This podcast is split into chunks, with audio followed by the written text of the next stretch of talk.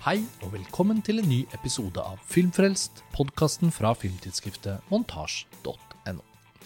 Mitt navn er Karsten Meinick, og i denne episoden skal vi møte de to regissørene Jo Vemund Svendsen og Daniel Høglund, som nylig har signert kinodokumentaren Alt for Norge der vi får møte det norske herrelandslaget i fotball fra 1990-tallet, også kjent som Drillos, og deres umulige ferd mot VM i USA i 1994, og deretter VM i Frankrike i 1998, hvor vi så ikonisk møter Brasil til den avgjørende gruppespillkampen. Samtalen ble arrangert av Frogner kino i Oslo, som hadde invitert Høglund Svendsen og en av hovedpersonene på landslaget og i filmen, tidligere målvakt Erik Thorstvedt, til samtale før en visning av filmen.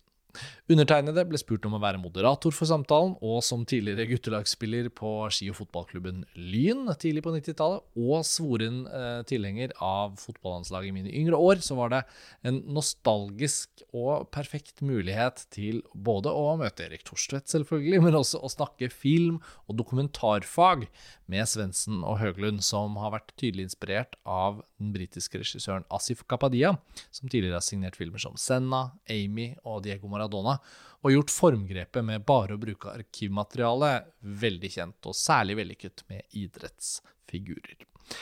Så da setter jeg bare til samtalen, som utspilte seg foran et publikum på Frogner kino som skulle til å se denne filmen. God fornøyelse. Velkommen til denne visningen av Alt for Norge, og gratulerer til dere med filmen. Og dere er jo veldig viktige som filmens regissører, men det er vanskelig å ikke starte med Erik Thorstvedt. da. Eh, og det er så han som er stjerna? Altså. Ja, jeg føler, ja, okay. Ja, for, for, meg, i hvert fall. Nei, men uh, Norges landslagskeeper uh, i denne perioden av filmen, mesteparten av perioden i, vi får se i filmen, og keeper på Tottenham, som jeg føler er veldig viktig å trekke inn i en lang og viktig periode for den klubben i mitt hjerte. Og da du fikk høre om denne ideen om at de skulle lage en kinodokumentar med dette som fokus, hva var ditt første tanke? Hva tenkte du liksom at det kom til å gå eller ikke gå, eller at det var en god idé? eller? Nei, jeg tenkte jo at det, lages jo tross alt dokumentarer om ganske mye rart. Så jeg tenkte at det, kanskje er det innafor.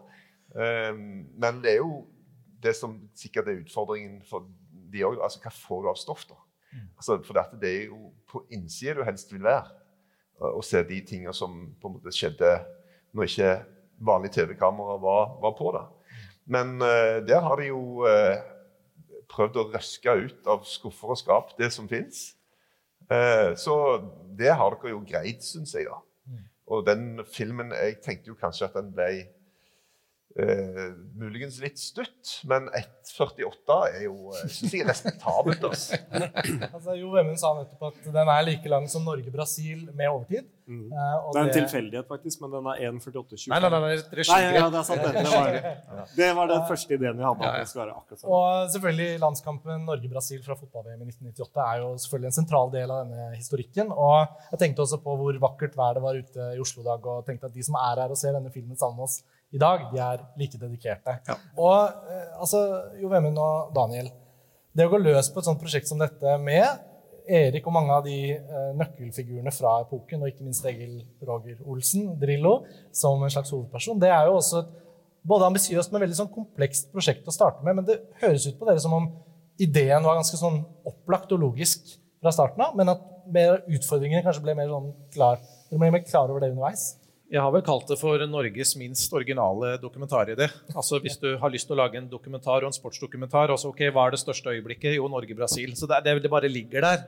Eh, og så var vi kanskje naive og dumme nok til å ikke forstå hva det innebar. Og bare med litt sånn Jeg har jo Vemund har jo én film i beltet, og jeg har ingen. Så, så, jeg tror det var mye av grunnen til at vi satte i gang med, med å gjøre det. Mm. Men det er som du sier, at det er ofte sånn at du du har en idé og en visjon, og når du skal lage film i Norge på kino, så skal du søke Filminstituttet. Så i de første dokumentene våre til Filminstituttet så er det jo litt som du er inne på, så er det liksom ideen eh, i klartekst. Og så jobber du i tre år, og så jobber du deg liksom langt vekk. Langt vekk fra ideen og overalt. Og så de tre siste månedene så leser vi de første dokumentene. og så, oh ja. Så vi er, liksom, vi er litt tilbake til der vi starta, men reisen dit er liksom kjempelang. da. Så vi hadde, men, men, ideen om å lage arkivfilm den var ikke der fra starten. Vi hadde tenkt å ha en nåtidslinje. Eh, vi begynte å filme Drillo i nåtid med veldig dyre, dyre linser, så det skulle se cinematisk og flott ut. Og han skulle skrive biografien sin, og han hadde tilbud fra fire forlag. Og det var, liksom, det, var det, Det var drama. Det var drama i nåtid. Hvilket forlag velger Drillo? Og vi har at han går inn på Gyldendal. liksom, Liten mann, stor dør. Og, øh, og så begynte ja, og, så, og så er det den, i de første cuttene så er det sånn Nå har jeg tenkt, og, og valget har falt på Gyldendal. Og så har vi filma kontraktsmøte med Gyldendal med to eh, mygger på. Og, så hvis noen trenger det om 20 år, så ligger det der. Og- så begynte vi å filme samtalen mellom han og forfatter Alfred Fiddestøl. Og hadde en idé om at Alfred skulle være en sånn psykologaktig skikkelse. Og den gamle mannen eh, gir sine memoarer. Men når vi begynte å klippe det her, så skjønte vi ganske fort, og du klipper film også, at eh, det skjedde ingenting i nåtiden. All dramaen lå ja. i fortiden, og vi måtte liksom bare være tøffe og kaste nåtiden. over. Det mest spennende var liksom quiz med Arne Skeie på Rockefeller. Ja. Og til publikums store lettelse så er jo da dette ikke den filmen dere skal se. Men, men som Jo Vemund nå sier, så er jo da eh, Uten å avsløre for mye, så er jo da et av grepene deres nettopp å la epokens materiale tale for seg i bildene. Og så har vi disse elegante fortellerstemmene som sikkert er et utvalg, og som sikkert var litt sånn Det er sikkert noen som kanskje ikke har ønsket å delta i en film, jeg vet ikke. Men, men vi hører jo blant annet deg, Erik, som forteller og reflekterer litt. Jeg vet ikke, liksom Ditt møte med dem i en sånn intervju, intervjusetting, fikk du noe grep om hva slags film de hadde sett for seg da? Ble du intervjuet flere ganger? Var det Ja, det som i hvert fall eh, er klart, er at eh, jeg greide ikke egentlig å levere det de ville ha. Eh, og det skyldes at eh, Og dette vet dere mye mer enn om meg, men du må prøve å finne en slags tone i en film. da. Og, den tonen som jeg tror dere er ute etter, er ikke en, sånn tjo hei, men litt sånn somber. Og der er jo en regissør som er blitt på en måte guruen eh, blant disse dokumentarene. Lagd Maradona, Amy Winehouse, eh, Senna-dokumentaren. Dere vet hva den heter, det husker ikke jeg. Ja, som er på en måte, og, og det er nok en slags gullstandard. da. Og problemet mitt er at jeg jobber veldig mye på TV, og da skal du prøve å være litt, litt snappy og litt funny og litt sånn. Og det funker dårlig her. Så jeg er i grunnen ikke mye med, fordi at eh, jeg greier ikke å levere den der litt sånn litt sånn stille og rolige greier, da. Eh, men eh, det gjør jo eh, har jo ingenting å si i forhold til kvaliteten på, på selve filmen. Og, og det er jo andre eh, Rekdal er jo eh, ekspert i å ligge der nede. Så det er bare å spørre ham, så er det Han greit. trakk det lengste strået. Ja, altså, Ja. hvem- hadde trodd Rekdal og Leonardsen kom jo Ja. da ganske godt igjennom i den tonen i filmen. Og Du trekker jo inn Asif Kapadia og de filmene. Jeg vet ikke hvor mange av dere som har sett det, men eh, Formel 1-føreren Ayrton Senna, som hadde jo en tragisk skjebne på, på Jeg husker jeg så det da jeg var liten. på Mm. Um, den filmen gjør veldig inntrykk fordi materialet er så sterkt at du føler nesten ikke filmskaperen er til stede. på en måte. Og så den om Maradona, som er jo en så flamboyant figur. Den eh, reflekterer jo også veldig personligheten Maradona. Og ikke alle de mest kjente øyeblikkene, men denne tiden i Napoli osv. Og, og jeg synes jo, må jo si det, at jeg syns dere lykkes veldig godt i å la på en måte de årene fra 90-tallet komme til liv, da, uten en sånn form for følelse av manipulering fra vår tid. Og det er jo da naturlig å spørre dere om liksom, i forhold til deres som sånn puppet masters for valgene her. Noe er med, noe er ikke med. Jeg vet i forkant at vi har småsnakket litt om det med at det var utrolig mange valg, og det vil ikke være noe fasit til slutt. Men eh, jo, men det der med å sitte og balansere ut en sånn epoke hvor mange har et veldig personlig forhold til det. ikke sant? Jeg kjenner jo at jeg husker ting som ikke er med i filmen. Så, Ja, ja. det er ikke med, altså. Men så hadde jeg glemt at vi ikke kvalifiserte oss til EM i England i 96. Det er jo traume som kommer tilbake når man ser filmen. Å, herregud, vi var jo ikke Så kan du si litt om den prosessen og, og, de valgene? Ja, ja. Har, eller til det du sier, Erik, så en av visjonene har også vært å frigjøre oss fra de verbale anekdotene. Da. Også, så, og det, alle dere som har vært med på det, har liksom deres fortellinger som dere forteller. Eh, og det kommer for all del nye ting òg, men det er veldig mange eh, ja, som fortelles på pub eller på TV, eller hvis Jan Petter Saltvedt lager en NRK-reportasje, så sitter Jan Åge Fjørtoft der på Ullevål, og så forteller han en snappy historie. Og så er det klipp til fortiden. Så vi hadde jo en idé om å prøve å eh, dra dere litt ut av det. da. Det, var jo, det er én måte å skape film framfor f.eks. TV. Um, og, og så har vi også hatt et slags dogme.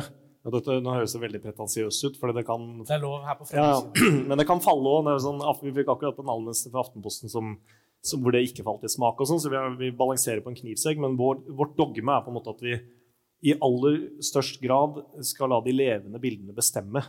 Og så er det liksom den klassiske film som er sånn show don't tell. Så hvis ikke vi har det på tape, så kan vi ikke fortelle det. Så hvis Kjetil Rekdal sier i 1998 at uh, fortell om et drama i spillergruppa, og det var ikke måte på hva som skjedde Hvis ikke vi har filma på det spillemøtet, så blir det bare en gjenfortelling, ikke en film. Ja, det, Vi hadde jo en klipp fra, fra, Myggen og Berg på bar hvor det var det er ikke måte på hvor sterkt Rekdal føler for å kaste ut disse to idiotene. Men når du viser det på generelle treningsbilder, mm. så det, det, henger ikke sammen. da. Og jeg tror jo på en måte at du taper noe, for du taper kanskje en slags sånn nyhetsinteresse. Fin overskrift i VG, ikke sant? Eh, nye avsløringer fra Rekdal. Men det er ikke veldig film. Jeg tror du vinner noe på å bare alltid være tro mot at du må kunne vise det du forteller. da. Mm. Altså, Film er jo det i denne, den grad da, så TV, som også du har jobbet i så mange år i, er jo noe veldig sånn Det skjer der og da, og så forsvinner det ut. og så er Det ikke så ofte man slår opp noe som har vært vist på TV hvis ikke det var noe veldig spesielt ikonisk innslag. eller et eller annet i den dur. Mens en film er jo også en kondensering av alt på en måte som et verk. da. Og så kan jo den brukes i all ettertid som akkurat det den er. Men da skal den jo gjerne representere så sant som mulig, særlig hvis det er en dokumentar, hvordan det egentlig var. Og der vil jo sikkert mange av de som figurerer i filmen, eller som opplevde det selv, noen vil kjenne seg veldig godt igjen, noen vil kjenne seg litt mindre godt igjen. Og hver og en av oss som levde og åndet i de årene der og så disse kampene, og sånn, vil jo huske det på litt ulike måter. Ja. Så det, jeg vet ikke om det var rart for deg da du så den i den versjonen du så, Erik. Om, om du følte liksom at epoken og de øyeblikkene du husker, var gjengitt noenlunde nært på det? Ja, jeg syns jo at det som gjelder oss, er, er gjengitt bra. Men det, den filmen griper jo altså, famner litt videre enn det. da, fordi at, og Jeg vet ikke om det fortsatt er inne, men det var et ganske sånn tydelig grep at en viser en del hverdagsklipp fra norske familier som ikke har noe med Drillos å gjøre. Ja? Bare for å skape liksom en slags eh, tidsånd som på en måte kommer inn i hele feelingen. da. Um, og det, det, var en sånn greie som det tar litt tid og på en måte bare kjøpe. For når de første klippene kommer, så sitter du og lurer på er, er, det, er, er det, Rune Bratseth, han lille fyren der.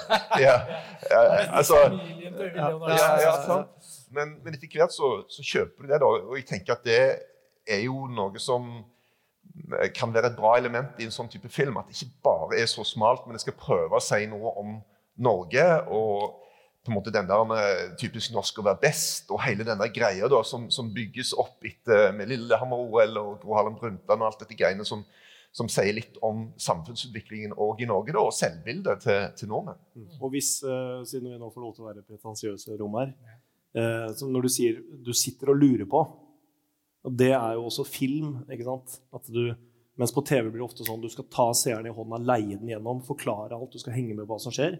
Men i film så kan du bare oppleve, og så eh, vi viser, og så er det du som skal tolke. Eller dere, da. Ja, så er det lov å ikke skjønne alt. Det synes jeg er, det ligger noe magi i det å ikke alltid skjønne alt med en gang. Du kanskje skjønner det seinere eller etterpå. eller ja. Mm. ja, altså, eh, Vi hadde en kort oppvarmingssamtale hvor en av dere nevnte en testvisning hvor en fra den yngre generasjon som ikke mm. så disse kampene live, på en måte nærmest reiste seg fra setet og jublet når Tore André Flo utligner til 1-1. Mm. Og det er så rørende. ikke sant? Da tenker jeg sånn jeg er jo helt hengt opp i min egen nostalgi her. Men så spennende for en yngre generasjon uh, å, å, se og gjenoppleve kanskje noe av spenningen. De kanskje vet omtrent at kanskje hvert fall at vi vant over Brasil. Men altså de stegene inn og liksom de forskjellige kvalifiseringskampene sånn, det, mm.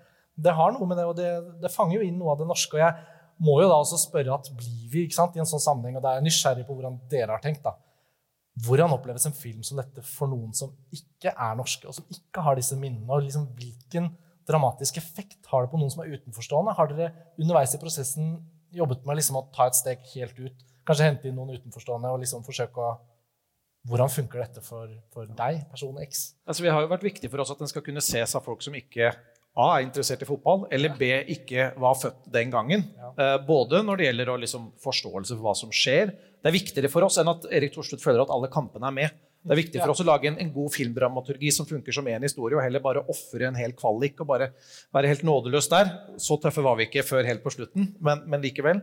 Også det å Vi er jo så inni det og husker alt så godt at vi, vi, vi har jo brukt også eh, hjelp utenfra. Vi hadde jo bl.a. en skotsk mm. manuskonsulent. bare for å få, altså Noen som ikke er fra Norge, kan komme inn og se filmen og fortelle oss hva han ser og hva han opplever når han ser den. da. Mm. Skotsk, altså fra et land hvor fotball er rimelig viktig. Han er, han er Newcastle-supporter, han er veldig fotballinteressert. Han Grant Keir, da, som jeg har jobba litt med før. men han Eh, han er også veldig god på dramaturgi, og, vi, og eh, åpenbart ikke norsk.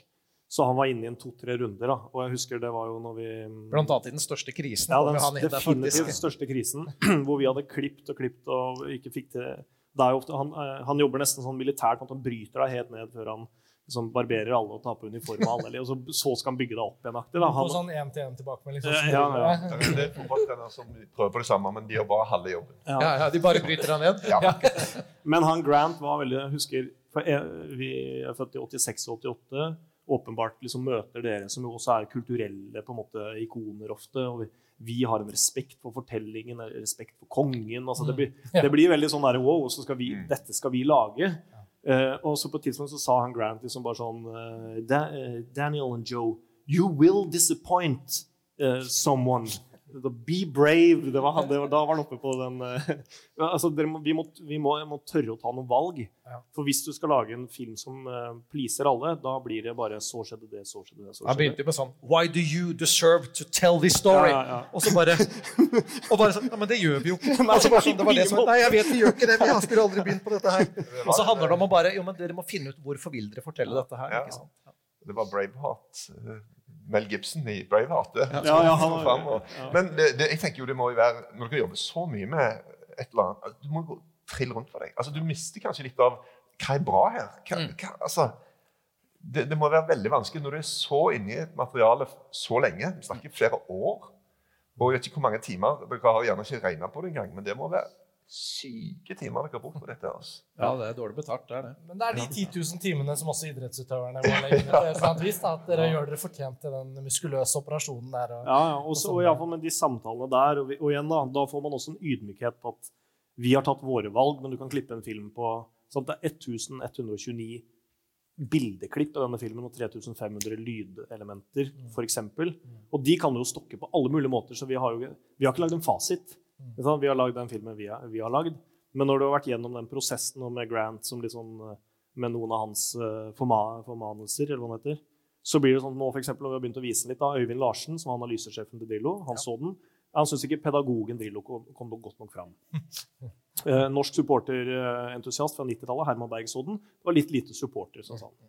Mini så den, det var ikke noen kamper. Så alle var ikke sant? Nei, det var ikke nok mening. Men da, men da får man jo, når man har vært gjennom det, så får man også en ro på sånn Ja. «Å, OK, så, ja, det syns du. Det skjønner jeg. Eller sånn, det, målet var jo ikke at alle skulle være fornøyd når de så den. typen. da.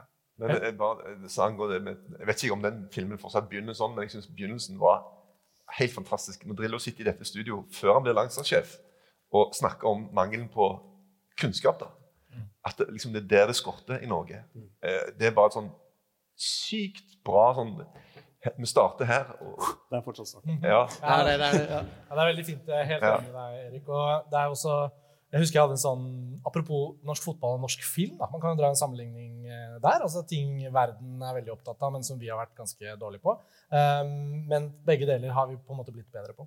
Og jeg husker i en eller annen samtale om norsk film og at ikke de solgte nok billetter, og sånn, så husker jeg jeg tenkte og sa vel i et litt eh, bedugget øyeblikk at ah, hvis man bare hadde satt opp Norge-Brasil på kino, uklippet, så hadde den solgt 100 000 billetter. Eh, og jeg vet at den, jo, den ble jo sendt på TV i reprise på et tidspunkt der. Men i løpet av filmen så innså jeg at jeg kom på at i første, første omgang husker jeg jo ingenting av. Det var bare nervepirrende. Men så når jeg begynte å skjønne at det fortsatt er 0-0, da begynte det å bli spennende. Nå kan ting skje. Og da skårer Brasil. Og så kom den perfekte dramaturgien. Jeg syns jo det målet til Tor André Flo på 1-1 egentlig får litt lite oppmerksomhet. da. Den straffen til Ja. Rekdal er jo liksom selvfølgelig blitt ikonisk. Jeg håper ingen føler at den røper filmen her nå, for det er sånn, men det blir vel litt sånn Ja, Titanic, egentlig. Ja, ja, Ja, ja. Tenk deg hun, tenk, tenk deg hun jenta i Fredrikstad nå. Ja, stakkars. Det er kåra til tidenes norske idrettsøyeblikk, og det er ganske sterkt i en vintersportsnasjon som Norge. Ja. Um, så Du satt der, du, på benken. Ja da, jeg gjorde det. Så, eh, men, og, og dette har jo blitt nå dette laget og eh, altså Slå Brasil i VM, gå videre for en gjeng. Eh, men sannheten, hvis du skal være helt ærlig, så var dette et ganske dårlig VM. Altså. Det, det, det har alle glemt.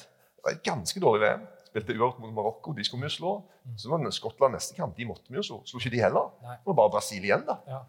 Så, Men det har jeg tenkt en del på også, at eh, også i VM i 1994 Vi vant jo over Mexico. Mens de to andre kampene var noe Det var jo på en måte mye sånn ikke helt Og det kommer jo frem også i filmen. Jeg liker hvor andre tar oss gjennom det. Men Men jeg syns også det er flott å tenke på at filmen manifesterer jo da hvor viktig lagånd og fellesskap er i fotball. Mm. Senest i går kveld så jeg Manchester United lide seg gjennom en kamp mot Liverpool. Jeg vet ikke hvor mange andre som så den kampen. Men da, da kom jeg på det som også jeg forbinder veldig med Drillo og det landslaget dere var, eller du var en del av. Men jeg vil bare si noe på, akkurat på det punktet før jeg glemmer det. Sorry at jeg bryter av. Men, men, men, men, men eh, det du sier der med at um, vi ikke egentlig fikk til noe, sånn i gåsetegn Vi går til to mesterskap, men Sverige har tross alt hatt bronse i VM, og Danmark har vunnet EM. Det er jo det som har gjort at eh, filmen har blitt veldig mye om han mannen i gummistøvler. For for meg så er det det som er unikt med denne sportsfortellingen. Resultatene er jo ikke sånn spesielt unike i en sånn verden av store sportslige øyeblikk. Men det som er unikt, er den raringen som sitter foran datamaskinen, og som egentlig ikke er noe landslagssjefsmateriale, og egentlig er en antihelt. Han er jo det. Han ikke har en store ord, ikke er en sånn karismatisk type. Han er egentlig alt som du ville tenkt en fotballtrener ikke skal være. Og så likevel så faller valget på han. Det syns jeg er fascinerende. Og, som bare, og jo mer vi kna, knadde filmen, jo mer ble det en film om Drillo. Det er hans eh, kanskje ikke store begeistring. Men Men, men, men, jeg, ja, ja. Ja, og det, det er veldig fint, og det var egentlig det jeg også skulle poengtere nå. at Det, det han klarte å samle som lagånd da. En ting er alle teoriene og alle disse systemene hans, men du var jo på innsiden av det. liksom, Men han, altså jeg har jo hatt utrolig mange karismatiske trenere som har uh, klappet i hendene og sagt 'come on' og slengt tekopper i veggen når de er sure i pausen. og sånne ting. Og, og der er jo Drillo helt andre enden av skalaen. Og det syns jeg er ganske interessant, da, sånn totalt sett, sånn menneskelig. For hva er det som trigger folk? Er klart, Å, å klappe i hendene og si an, men det tar deg et visst stykke. Men Drillo var enormt flink på å gi den enkelte oppgaver som du følte en interesse for som du kunne greie å løse. Hvis du gjør dette ute på banen, så kommer det til å skje. Og da kommer dette til å skje med resten av gjengen, og da kommer du til å få de resultatene. Så han var veldig sånn faglig, da. Dritfaglig hele veien. Og det gikk igjen. Og så var han enormt flink på lå langt forut for sin tid. For at fotball er et ganske komplekst spill, og det springer en haug med folk på kryss og tvers. Og, men han brøyt det ned, sånn at hver spiller ble ansvarliggjort i forhold til sin prestasjon. For Før så kunne du alltid gjemme deg bak noen, og hvis dere tapte, så var jo de andre sin feil, osv. Men det var også, og, og spillerne syntes det var stas, da. For det er jo et visst sånn ego-boost i òg å få noe som på en måte bare gjelder meg. ja. Sånn? Og man, og man føler virkelig at han så dere som individer. Og når man blir sett, så blir man også fulgt med på. Men man får også følelsen av at man betyr noe. Ja. Så Det, det syns jeg også Mm. kommer gjennom i filmen. Og det jeg ikke har lyst til å spoile, er at jeg syns også filmen har veldig mange bitte små øyeblikk. Sånn små mellommenneskelige øyeblikk som er tatt vare på liksom, eh, fått med inn i filmen. Som gjør at noen partier i filmen ikke fokuserer så mye på de aller mest dramatiske høydepunktene. og sånn. Og man kan jo bli litt sånn Når, når begynner Norge-Brasil? Eh, men sannheten er jo at det er jo nesten et helt tiår eh, som skilles her. Og, og jeg tror dere vil ha stor glede av veldig mange av de mindre kjente øyeblikkene da, som viser Drillo som menneske. Men eh, apropos ting som ikke har fått eh, plass i filmen, da, som du nå kan bringe til torgs, fordi uh, ganske tidlig så eh, vi illustrerer elendigheten på 80-tallet med tap mot Sverige, selvfølgelig. Uh, søta bror, eller, eller storebror. Da står du i mål og slipper inn, og du var jo med altså du var jo med også på 80-tallet. Eh, og var med i det skiftet. så det Spilleperspektivet når Drillo kommer inn, det belyser ikke vi så mye, men det har jo dere sagt mye bra om. da. Men kan du si noe om den første Eh, da var det jo på en måte nesten bare deg og Rune Bratseth han hadde litt sånn eh, rutinerte karer, mer eller mindre. Men kan du si noe om den, det første møtet med Drillo? liksom Skepsisen som eksisterte i NFF, var den også i spillergruppa, eller hvordan var det? Nei, altså Ja, altså på, jeg husker vi spilte mot Island. På Island så tapte vi. Det er nedverdigende å tape mot Island. Heldigvis det var returoppgjør på Ullevål stadion tre uker senere. Tapte den òg. altså, det er 'hello, can you go', liksom. Men eh, greia var jo at jeg og en del av de andre òg hadde hatt Drillo på ungdomslandslaget. Så, så han var jo på en måte, kom jo derfra. Så der hadde han vel litt av denne generasjonen med Leo og, og de, tror jeg, da. Så, og vi var jo så langt nede. altså, Det var nok skepsis mot Drillo, ikke fra oss som, som kjente han. Eh, men det var liksom veldig vanskelig å se at eh, vi har så sykt mange andre bra trenere som fortjener sjansen foran han. Så, og, og klart Når du parkerer Kamerun 6-1 i første match, da er, da er, liksom, da er du i gang. Da har du liksom bare tatt av allerede fra første spark, og da er det liksom alt greit. Og Kamerun kom jo da fra VM i Italia i 1990, den sommeren før, og var jo den store liksom, oppdagelsen i det VM-et. Så det var ikke en hvilken som helst seier heller. da. Eh, Jeg vet jo ikke helt hvor godt forberedt de kom, men Veldig, veldig dårlig. Hvis du ser på filmen, så var det sier noe om det. Ja, det kan godt hende. ja. ja. Og så er det liksom, ja, det er mange eh, Jeg tenkte det var fint å ikke gå inn på de lengste nostalgiske anekdotene nå, fordi jeg føler liksom at filmen oppleves jo selvfølgelig litt eh, nostalgisk for alle som er gamle nok til å huske den epoken, men det er også lett å tenke på at å snakke seg inn i de anekdotene igjen er jo ikke så filmatisk, men også noe som kommer til å skje veldig mye nå i tiden fremover, når denne filmen skal lanseres. Men uh, her ble vi også enige om at vi hadde muligheten til å diskutere litt sånn det filmiske her, da, og det filmfaglige. Jeg tenker jo En ting som er litt fascinerende å vite, er jo noe av det tekniske som har gått med på å liksom sikre dette materialet. Fordi eh, i vår tid så kan man jo si at man kanskje filmer enda mye mer. Vi har alle smarttelefonene våre, og, og den dagen Haaland legger ut en story om hvilken klubb han har valgt, liksom, så er det et historisk øyeblikk. Men hvem tar vare på det? Hvor finner man det hvis man skal lage filmen om Haaland og Ødegaard og gjengen om 10-15 år? Det er mye mer sånn flyktig. Men dere har hatt muligheten til å liksom oppsøke materiale i, i ofte i håndfast kassettforstand, sikkert. Ja, ja. Og så fått på en måte det til å fylle dette store lerretet. Kan dere si bitte litt om den prosessen, bare sånn at publikum får litt innsikt? Ja, ja. Jeg, jeg kan ta litt arkivjakt og du litt restaurering. si. Men vi, først og fremst så handler det om eh, å finne materiale, og der har vi bare vært helt sånn vi har bare, Det har blitt eh, en, nesten en besettelse. eh, hvor vi bare har lett og lett og lett og lett. og lett og lett. Og, filmet litt. ja, ikke sant? Så vi starta med Siggen, kona til Drillo. Når vi var der oppe og fikk han med, så sa hun ja, men jeg filma jo. Så hun hadde ti timer private opptak. Da fikk vi litt selvtillit. Og ikke bare det, men Siggen er en veldig god, observerende dokumentarist. Så hun er litt sånn, glir litt inn i omgivelsene, eh, stå, fanger på en måte scener. da. Eh, og så spurte jeg alle spillerne, selvfølgelig, og Jan Åge Fjørtoft for eksempel, sa først at nei, han hadde ikke filma noen ting. Og så så vi en NRK-reportasje fra VM i 1994 hvor han går mot NRK med et sånn håndholdt kamera. Så sendte vi det til han, så bare OK, jeg skal sjekke kjelleren. Fire taper, mye av det havna i filmen. Det er vanskelig å forklare det bort da, Ja, det, det- det var- tatt med et kamera i hånda. Og sånn er det liksom Vidar Iseth filma i garderoben etter Brasil. Det kasta når han flytta. Jon Jamesen, pressesjef, filma på banen etter Brasil. Han tok over en konfirmasjon året etterpå. Så det er liksom you win some, you lose some. Og sånn har vi holdt på overalt. da. Og også det samme institusjoner som NIH, NFF, TV 2, NRK, Globo i Brasil. Og ikke minst har vi også eh, fått analoge filmruller, 35 mm filmruller. Ikke fått, vi har kjøpt de for 50 000 per minutt. Og bruker 12 minutter, så da kan dere begynne å regne. Eh, fra Fifa, fra eh, VM i 94 og 98, da, som også er sånn Og dette kan, kan man faktisk se i filmen. Plutselig så skjer det noe med bildekvaliteten. Ja. Wow, her var det, nå var det film! Men det, du må, i en sånn prosess må du bare tåle å kaste bort jævlig mye tid. Og du må tåle å kaste bort penger. Og det vil si at du må, du må, du må gå til familien Frank oppe i eh, Nittedal. Nittedal. Ja, takk. Eh, og så ta hele deres hjemmeopptak på 40 timer, digitalisere dette for så og så mange eh, kroner per, per time, og ende med å bruke sju sekunder. Ikke sant? For der, der tror jeg den jobben, nemlig å bare gjøre det i tre år, så til slutt så har du nok materiale, og også ting som ikke er sett før. Så det er jo det er bare det vi har gjort. altså bare Ingenting har vært for lite, ingenting har vært for, for mye bryderi. Til liksom, senest liksom to uker før vi låste klippen, så fant vi jo, eller ja, tre uker før vi låste klippen, så fant vi åpninga på filmen. Før det så var det, visste vi ikke hva vi skulle gjøre. Og plutselig for, på tiende runde hos NRK så dukka det opp. Så det er på en måte det, det, ja, det er, det er den, den jobben har vi stått i til det vonde og kjedsommelige, Ja, ja. rett og slett. tenker Ja. jeg dere skal være litt stolte av. Ja, for kanskje, ja, det ja, ja. jeg, fordi, vi, har en, vi har en running joke med Fredrik, eh, en av de som har miksa lyden. For du låser jo cutten på et tidspunkt, og det er ganske strenge regler for det. Og det er mange som må i liksom, sving for å låse den opp igjen. Eh, men vi hadde sånn, vi låste opp én gang, to ganger, tre. Så etter hvert så sa Fredrik bare sånn Nå er dere på versjon 12 til låst film. Men det er, bare, det er den besettelsen. da, For vi, vi fant det bare den bitte lille som kunne liksom eh, kneppe det opp.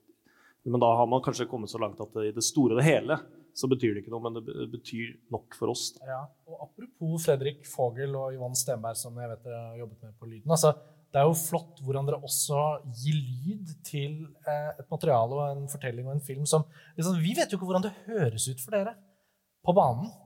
For vi får, altså, Fotball er også et utrolig konvensjonelt fortalt medium på TV. Når folk prøver å lage fiksjonsfilmer fotball og filme det sånn fra vinkler som ikke da, da, Jeg får helt brems. Det er jo derfor det fins veldig få gode fiksjonsfilmer om fotball, og veldig få om vikingtiden. Og det er to ting som liksom ikke går an. Men her er det jo liksom noe med at uh, bildematerialet er fra kilder vi på en eller annen måte gjenkjenner, og mye av materialet har vi sett før. Mens lyden, Mm. der er det jo en hel verden å utforske, og det har dere virkelig gjort. da. Ja, ja. Foley, som er et begrep som brukes om lyd som lages til ting som skjer i bildet. En fot mot en ball, men lyden er laget Et Hå? eksempel er når, eh, i Polen-kampen, hvor eh, Erik Thorstvedt også Der er det jo på prater der om stemninga på hvordan det var å spille på Ullevål. Dere har lyst til å gjøre nasjonen stolte. Da har vi for det første gått inn i kampen og funnet alle nærbildene av Erik Thorstvedt. Og så satt de etter hverandre så det ser ut som én bevegelse. Og så har vi fjerna all lyden. Og så har vi bygd lyden på nytt. Og da har da Yvonne og Roy, som er sånn Foley-artist, og Fredrik Fogel vært ute og gjenskapt dine skritt på Ullevål-matta. Så når du går og sier sånn Det å gå ut på Ullevål er en fantastisk følelse, så hører du liksom Kan du høre bare Så hører du lyden. Og den er gjenskapt basert på hvordan gresset var på Ullevål den dagen. For å sette på spissen. Du, hører, du, er, hvis du, hører, så, du er litt tyngre enn du egentlig er i den scenen. Sånn at det er litt tyngre skritt, men det var bra. Men, ja, og jeg, jeg tenker jo på det at det er et voldsomt flott filmkunstnerisk grep det liksom fyller kinorommet med, som er noe annet. da. Og eh, Vi vil jo aldri kunne få helt oppleve det dere opplever når dere står der med alle de menneskene rundt, men vi liker jo å tenke at vi var der. ikke sant? Så eh, jeg vet ikke hvordan du har opplevd eh, Nei, altså, men det er òg litt sånn at folk tror at det er liksom et eller annet mytisk, magisk Her får du komme på innsida. Det er mange som tenker at Tenk å få sitte i den spillerbussen på vei til stadion til den kampen. Men det er bare en gjeng med folk som sitter på en buss. Altså, det er ikke så jæklig spesielt. Så, men det blir et eller annet sånn mytisk, magisk rundt det hele. da. Og særlig når jeg hører hvordan de gjenoppbygger mine skritt, så blir jeg litt sånn uh, det var det var noen skritt. Um, jeg vet at tiden nå begynner å skal vi se, ikke sant? Nå nærmer det seg filmstart. Um, takk for tålmodigheten fra dere. Dere er jo kommet for å kanskje høre Erik snakke, i hvert fall, og se filmen. Men avslutningsvis, da, um, med utgangspunkt i å, å, å ta hele denne fortellingen og gjøre film av den, så har dere jo også eh, på en måte gjenoppfrisket dette generasjonsspørsmålet mellom Drillos-gjengen og den nye generasjonen som bl.a. du er far i en av dem. Um, og man får jo litt sånn håp om jeg får jo alltid håp om at norsk landslagsfotball både på herre- og kvinnesiden skal få et, en ny suksesshistorie. Og så blir det noen skuffelser på veien. Men um, hva har dere tenkt rundt nettopp det med å liksom knytte de to generasjonene litt sånn sammen akkurat nå i dette? Når dere lager filmen akkurat nå, så blir det jo litt sånn.